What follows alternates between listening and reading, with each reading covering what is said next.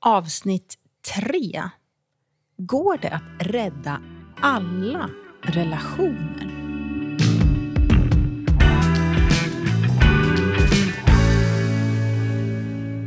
Nu har vi suttit där och pratat i, i två avsnitt i den här säsongen om att investera i rela sina relationer och alltså att, att det är viktigt att jobba med dem, att man ska det och också att det är livsviktigt för att det är så stor avgörande kvalitet i ditt liv. Att du har bra relationer. Men går det verkligen att rädda alla relationer? Nej, det tror inte vi. Vissa skulle inte ens ha blivit av. Och det kan ju man sitta här på sina höga hästar och raljera lite grann om. Men vissa personer har ju svårt med relationer. Och kanske spontant dyker in i dem. Eh, men skulle behöva träna lite eller ha en bättre sparringpartner i relationen.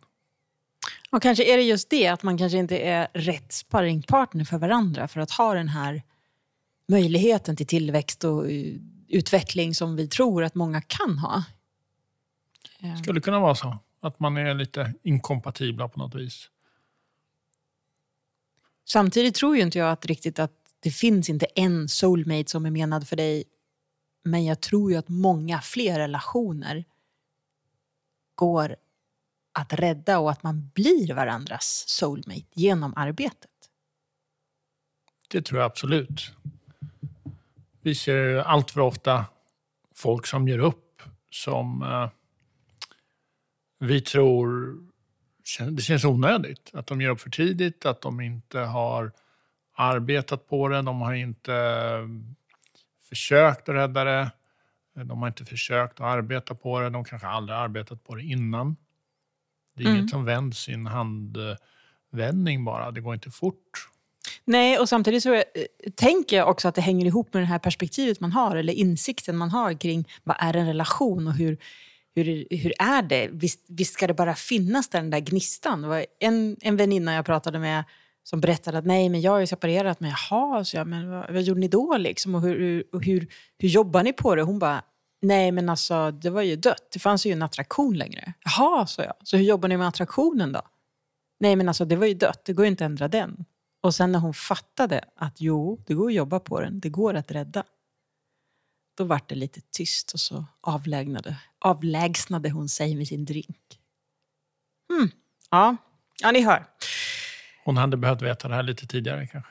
Absolut. Börja i tid med arbetet på att investera i din relation och jobba med den och utveckla den. Jag kan ju lite skämtsamt säga ibland att jag, jag hajar inte hur folk pallar med.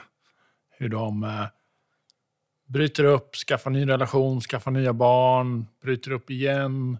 Och så har man tre kvinnor och sju barn. och Vilken mardröm att hålla ordning på allt och blir det någon livskvalitet i det där.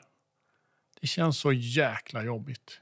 Mm, och även jobbigt för den som kanske då är på andra sidan, den som blir dumpad liksom och blir så här bitter resten av livet. Blä! Ja. Så ingen, jag tänker att nej, jag vill inte vara någon del av den sidan. Jag vill inte vara den som drar iväg och skaffar de här nya och jag vill inte vara den som står där och blir bitter hela livet. Nej, men bara den situationen borde ju vara motivation för många att jobba på sin relation. Mm. För det låter så jäkla jobbigt att hamna där. Så att, eh, det har jag som motivation att, eh, att eh, kämpa vidare här med min kära fru. För att det, alternativen är ju inte attraktiva. Jag sitter här och ler och skrattar lite åt det. Tack, vad fint att du vill vara med mig. För just det där andra vill du absolut inte ha. Ja. Haha. oh.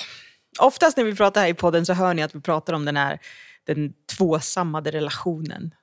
Antingen han och hon, eller hon och hon, eller han och han. Eh, så nej, vi pratar inte om flersamma relationer.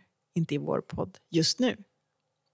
Nej. Och det är helt okej om du är där förstås. Eh, men det är inte er som vi vänder oss till primärt. Just nu. Mm. Och det är spännande det här med de samkönade relationerna.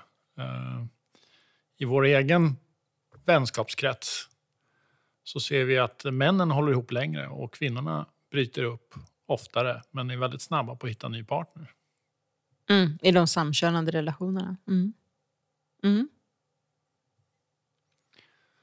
Ska vi avsluta lite om eh, hur man kan hamna i en sits som man inte riktigt hade tänkt sig? Mm. Vi såg en film för ett tag sedan på Netflix som hette Förförd. En fransk film.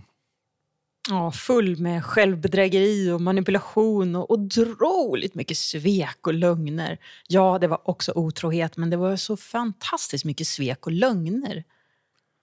Ja, och självbedrägeri som sagt. Kvinnan vart förförd av den här mannen. Gång på gång på gång på gång. gång. på gång. Han kunde lura i henne precis vad som helst och hon trodde blint på honom. Ja. Men eh, man måste ju kunna stå på egna ben. Stå Ja. emot den där förförelsen. Ja, för han kunde inte riktigt stå på egna ben heller. Han var tvungen att ha henne där som han kunde för, eh, ja, lura, skulle jag säga. Inte bara förföra, utan lura. Så han kunde inte riktigt klara av att stå själv och hon kunde verkligen inte klara av att stå själv. Men det är ju det som man behöver göra i relationen också. Stå för sig själv på egna ben, visa upp vem man är och samtidigt bli mött i det med en bra sparringpartner. Vi vill också säga, hörni ni, att i genomsnitt i amerikanska relationer så går det sex år innan man söker hjälp i sin relation. Och vi uppskattar ju och uppmuntrar ni som börjar jobba med relationen redan innan det finns någonting som är problem. Så om ni tänker att ni skulle vänta sex år när problemen har startat, då förstår ni också att det kanske är svårt att rädda just då. Så vi skulle uppmana er att starta nu, vilket du förstås gör genom att lyssna här.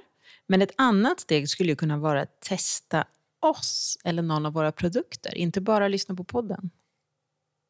Utan komma på en parcoaching med oss kanske. Hur går det till? Det får ni höra i nästa avsnitt. Välkomna in på det.